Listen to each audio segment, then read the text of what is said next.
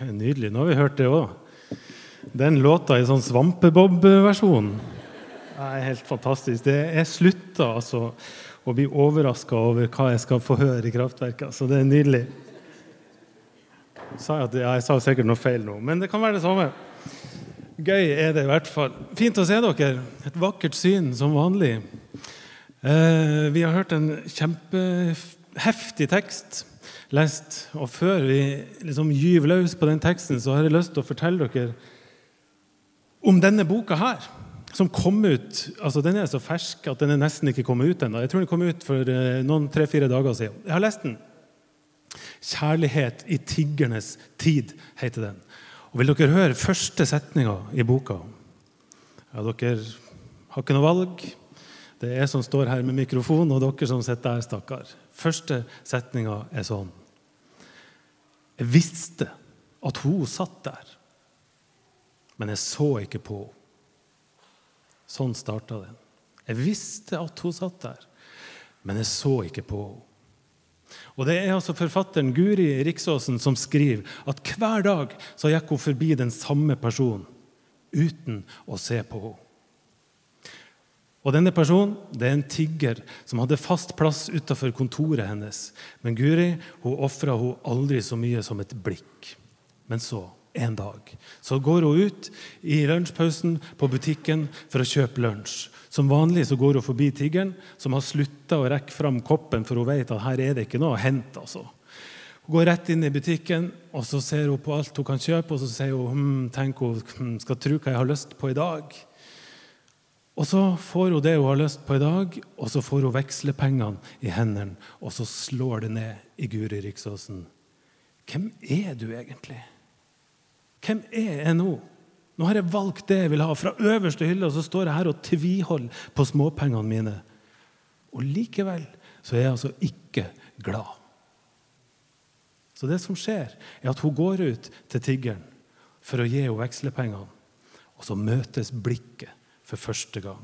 Blikket mellom de to. Tiggeren tar tak i handa til Guri og kysser den. Masse. Og Guri kysser eh, tiggeren sine hender tilbake, og det ender med at de ikke klarer å slutte å flire.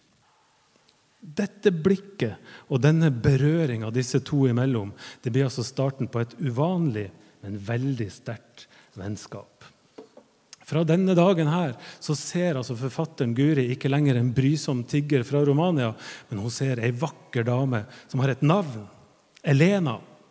Hun har en familie, til og med. Hun har barn, hun har barnebarn. Hun har en mann, hun har historie, hun har håp. Hun har drømmer for framtida. Hun har et liv. Hun rett og slett er noen. Og Etter hvert så lar Guri Elena og mannen hennes få bo hos seg. Der får de dusja for første gang i sitt liv. De ser film, de lager mat, de lærer seg å snakke sammen med et minimum av ord. Og fra å stå på utsida så blir Elena og mannen dratt inn i en varme og en omsorg som er helt ny for begge to. Det er ganske fint. Men det fineste det er at den som får livet aller mest forandra, det er Guri, forfatteren. For hun skjønner at hun trenger Elena like mye. Nå skal Elena reise tilbake til Romania for å være der noen måneder rundt i vinterstida. Og når det skjer, så skriver Guri Ta meg med. Vær så snill, ta meg vekk herfra. Vekk fra interiørblader og nye sko og sug etter stadig mer. Vær så snill, ikke dra fra meg. For sjøl om Guri Riksåsen er ei oppegående og høyst vellykka norsk kvinne med tre barn og hus og hjem på Holmlia, så står jo også hun på utsida. Det er ikke så enkelt, sjøl for hun, å være flink nok, kjapp nok, si de rette tingene, bli akseptert, være trygg på at det holder. Hun er fortsatt den lille jenta som står i skolegården og ser på de andre. På avstand. Sånn føler hun det. Men med Elena så er det helt annerledes. Der er hun innafor. Derfor reiser Guri til Romania for å besøke Elena i landsbyen, der hun og mannen bor på vinteren. Og Det som møter henne der, det er på alle måter fattigslig. Det er gjørme i gatene. Det er ikke noen do i det huset der. Det er ikke engang utedo. Det er løsbikkjer i gatene, og det leves fra hand til munn. Men når Guri kommer fram, så tar Elena skoene av henne. Og så vasker hun føttene til Guri i ei balje med vann som er varma på komfyren. Og så får hun tøfler på beina, og så spiser de Romanias nasjonalrett. Og Guri skriver det smaker vidunderlig. Det er ingen tvil. Jeg er velkommen. Jeg er omslutta av omsorg.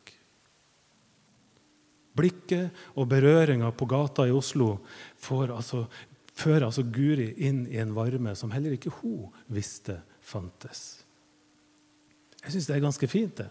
Jeg ble helt tatt med av denne boka. Den skildrer på ene sida hvor ondt det er å stå på utsida. Enten du er tigger som ingen bryr seg om, eller om du er ei helt vanlig norsk dame som bare ikke syns du er god nok.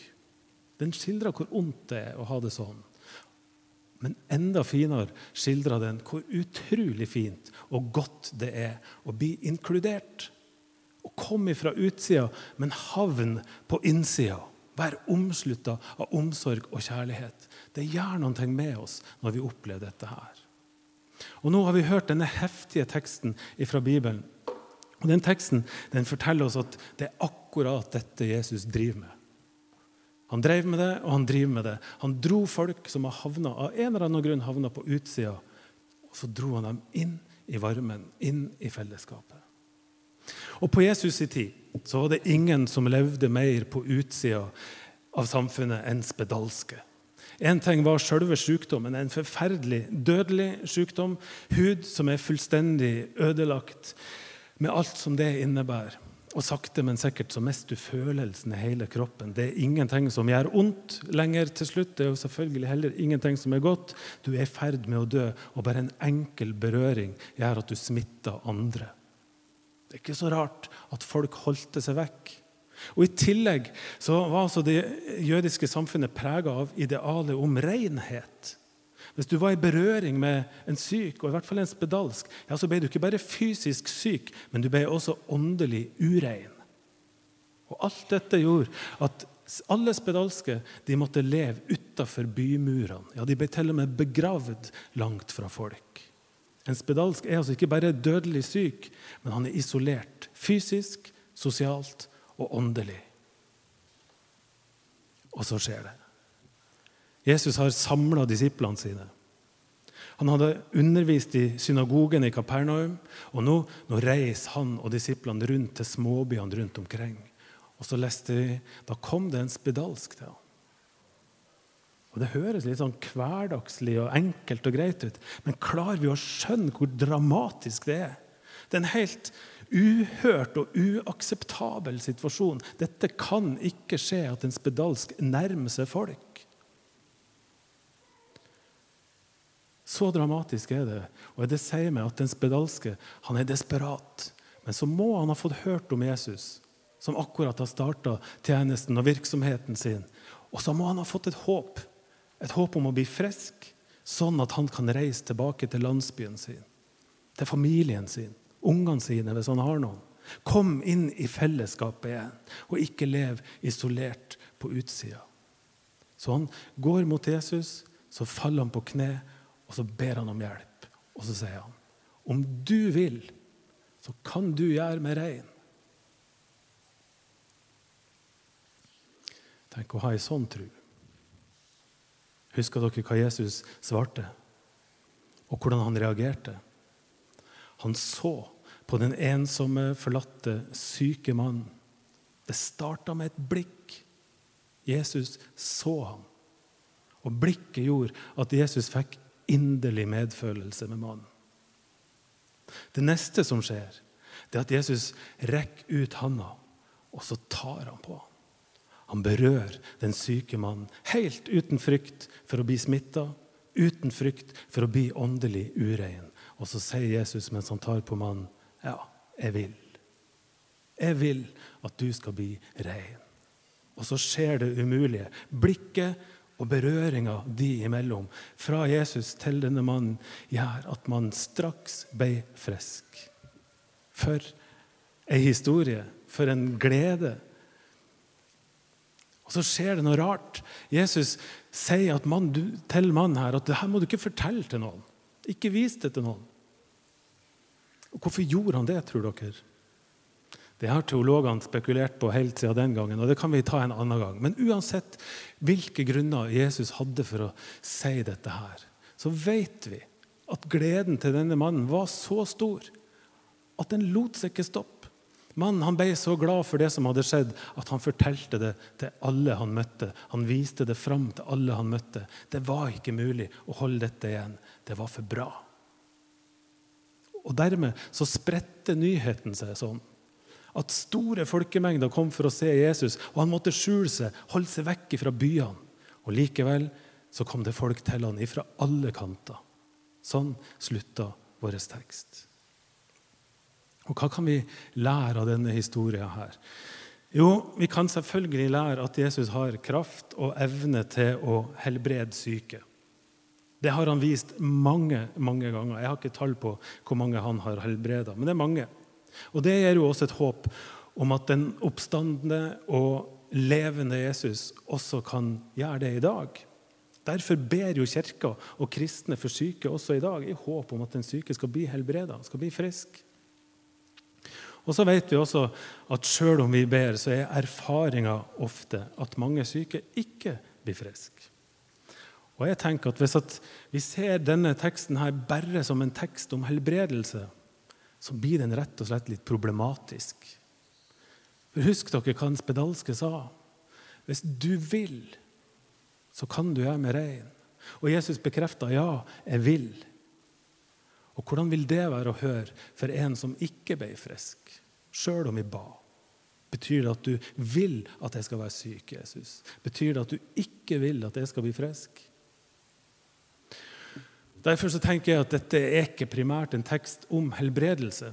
For meg så er dette en tekst om utaforskap, som blir forvandla til et innaforskap i møte med Jesus. Ser dere forskjellen? Teksten forteller at Jesus like mye som han er i stand til å helbrede syke, er i stand til å gi folk som står på utsida, verdighet, framtid, håp, et nytt liv. Det som både Elena og Guri i denne boka lengta etter, og som de fant hos hverandre, ja, det vil Jesus gi til de som kommer til ham. Omsorg, vennskap, kjærlighet og en bekreftelse på at du er noen. Du hører til. Og Hvis dette er en måte å se teksten på, at den handler om utaforskap, som i møte med Jesus blir forvandla til innaforskap, ja, da er det jo en utrolig oppmuntrende tekst. ikke sant? Veldig håpefull. fordi at vi trenger jo ikke også for oss, vi trenger ikke å være tiggere eller spedalske for å stå på utsida. På en eller annen måte så kjemper vi jo alle sammen med å stå på utsida. Vi strever med våre ting. Vi frykter at vi ikke er gode nok. Sånn er det for de fleste av oss. Men i møte med Jesus så blir også vi dratt inn i hans varme og omslutta av Guds kjærlighet. Derfor har jeg lyst til å runde av med to Dagens budskap på en måte blir todelt. Husker dere første setninga i boka? Jeg visste at hun satt der, men jeg så ikke på henne. Jeg vet ikke åssen det er med dere, men jeg vet hva hun snakker om. Det er så mange folk jeg ikke bryr meg om. Det er så mange folk eh, ikke ser, og som jeg kanskje ikke engang har lyst til å se.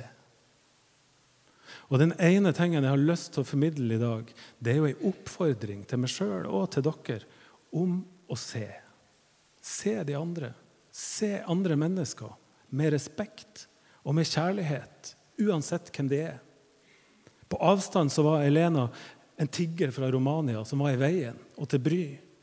Men da hun ble sett, altså ble hun ei vakker dame og en god, god venn. Det har jeg lyst til å si. Se på hverandre med det blikket. Det handler det om å være i kirke. Det andre jeg har lyst til å si, er at behovet vi alle har for å bli sett og bli inkludert, bli omslutta av kjærlighet og omsorg, Ja, Det behovet det er det mange mennesker som kan dekke. Men så er det sånn at vi mennesker vi svikter veldig fort hverandre. Og vi ser på hverandre med menneskelige begrensninger. Og Derfor tenker jeg at dagens, denne søndagen den minner oss om at vi kan gå til Jesus og bli sett helt og fullt, og samtidig inkludert og gitt en plass i Guds rike. Det er det Jesus driver med. Han flytter mennesker fra utilstrekkelighet og mindreverdighet og inn i varmen, inn i fellesskap med Han og inn i Guds rike. Og Derfor så oppfordrer jeg alle til å gå til Jesus. For han kan møte oss og se oss på en måte som ingen andre kan. Og det skal vi gjøre snart. Da skal vi gå til Jesus, og så skal vi feire nattvær sammen. Da skal vi tro at Jesus er til stede i brød og vin, sånn at vi kan gå til han med alle våre gleder og sorger. Og bli sett, tatt imot, inkludert og omslutta av Guds kjærlighet. Det handler nattverden om. Men før vi tar imot den, så skal vi ha en sang. Og så skal, vi, skal jeg bare lese to linjer fra denne fine boka. For det som skjer, er at Guri besøker Elena i ei uke i landsbyen. Og på vei hjem, når uka er over, eller her i landsbyen denne uka, så er hun omslutta av omsorg og kjærlighet. På vei hjem så må hun overnatte på et fint hotell i Bucuresti. Og Etter en uke i landsbyen til Elena så kommer hun til hotellet. Hun er støvete, hun er skitten, hun er svett. Hun lukter vedfyring, grilla pølse og litt tiss, skriver hun. Og så går hun inn i hotellrommet. Og så er det stille, det er rent. Teppet på gulvet det er helt mykt. Strømmen funker. Det er ingen sterke farger. Det er ingen løshunder som bjeffer. Og så er hun helt alene. Og så skriver hun det er bare stille og behagelig. Og jeg vet at det er dette som er mitt liv nå. Aldri har jeg følt meg fattigere.